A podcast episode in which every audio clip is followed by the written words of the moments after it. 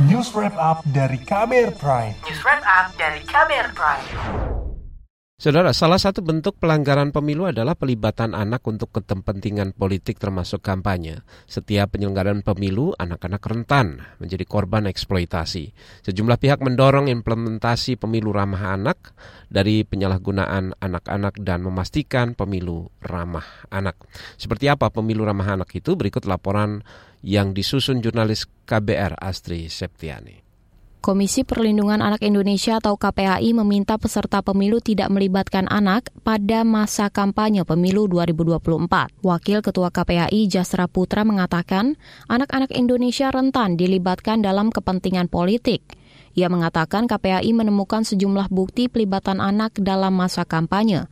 Contohnya, anak-anak diajak memilih pasangan tertentu meski belum punya hak pilih pemasangan atribut partai seperti topi, kaos, dan lain-lain pada anak secara paksa, serta pelibatan anak-anak di acara partai politik. Memang paling banyak pelibatan dalam kampanye, kemudian yang kedua memasangkan atribut pasangan atau partai tertentu kepada anak gitu ya. Jadi eh, karena tanggal 28 November besok akan ada kampanye terbuka atau kampanye sudah dimulai, maka eh, kita berharap dengan adanya surat edaran bersama tadi yang sudah didiseminasikan, ini menjadi pedoman bagi penyelenggara pemilu, baik KPU, Bawaslu, dan termasuk juga peserta pemilu. Wakil Ketua KPAI Jasra Putra juga meminta peserta pemilu mematuhi segala aturan guna menghindari penyalahgunaan anak sebagai alat politik partai.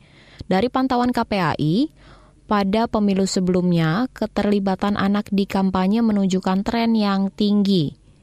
Menteri Pemberdayaan Perempuan dan Perlindungan Anak Bintang Puspayoga mengajak semua pihak menjadikan peringatan Hari Anak Sedunia 2023 yang jatuh setiap 20 November sebagai momentum perlindungan anak selama pemilu 2024. Bintang mengatakan, upaya perlindungan anak dalam pemilu telah dituangkan lewat penandatanganan surat edaran bersama atau SEB antara Kementerian PPPA, Kementerian Dalam Negeri, Bawaslu, KPU, dan KPAI mengenai penyelenggaraan pemilu ramah anak. Untuk melindungi dan memenuhi hak anak dengan tidak mengeksploitasi anak serta memberikan pendidikan politik dan keterbukaan akses informasi bagi pemilih pemula di bawah 18 tahun dalam rangka penyelenggaraan pemilu dan pemilihan serentak tahun 2024 yang ramah anak. Komisi Pemilihan Umum KPU RI memastikan memberi perhatian khusus pada perlindungan anak di masa pemilu. Kepala Biro Advokasi Hukum dan Penyelesaian Sengketa KPU RI Andi Krisna meminta partai-partai politik memberi perhatian khusus untuk melindungi anak dari penyalahgunaan untuk kepentingan politik. Tentu nanti kalau ada hal-hal yang mungkin ada pelanggaran-pelanggaran apa pun, tentunya kami penyelenggara dari KPU, Bawaslu tentunya akan e, menyorot akan hal dimaksud ini. Andi mengatakan, KPU RI berencana menggelar deklarasi pemilu damai pada 27 November mendatang, termasuk di dalamnya menekankan pemilu ramah anak. Meski begitu, Deputi Bidang Dukungan Teknis Bawaslu RI Labayoni menjelaskan sulitnya membuktikan peserta pemilu melibatkan anak dalam agenda pemilu. Meski begitu, ia berjanji bakal menegakkan aturan tegas terkait pelanggaran pelibatan anak dalam kampanye. Kata dia, bakal ada sanksi yang terberat berupa pidana dan denda.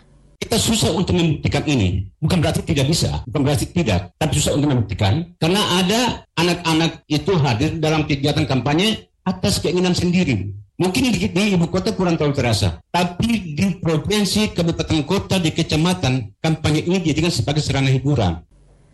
Partai politik menyatakan turut mendukung pemilu ramah anak. Ketua DPP Partai Kebangkitan Bangsa Lulu Nur Hamidah mengatakan perlunya kesadaran bersama bagi seluruh peserta pemilu untuk memastikan tidak ada pelibatan anak dalam aktivitas politik. Karena euforia, kemudian sikap atau perilaku para kontestan, pendukung dan lain-lain yang sedemikian rupa sehingga mengabaikan yang terkait dengan hak anak atau kemudian mereka yang ikut kampanye juga tidak berpikir karena mengajak anak-anak yang masih kecil gitu ya di arena campaign padahal itu juga sangat memungkinkan lah hal-hal yang buruk itu memang bisa terjadi. Nah, menurut saya ketentuan ini juga perlu dengan diikutin dengan ya mungkin sanksi ya kalau misalnya itu dilanggar. Sementara itu, Wakil Ketua Dewan Pembina Partai Solidaritas Indonesia atau PSI, Grace Natali menegaskan, partainya sepakat untuk tidak melibatkan anak-anak di bawah umur dalam masa kampanye. Demikian laporan khas KBR, saya Astri Septiani. Kamu baru saja mendengarkan news wrap up dari KBR Prime.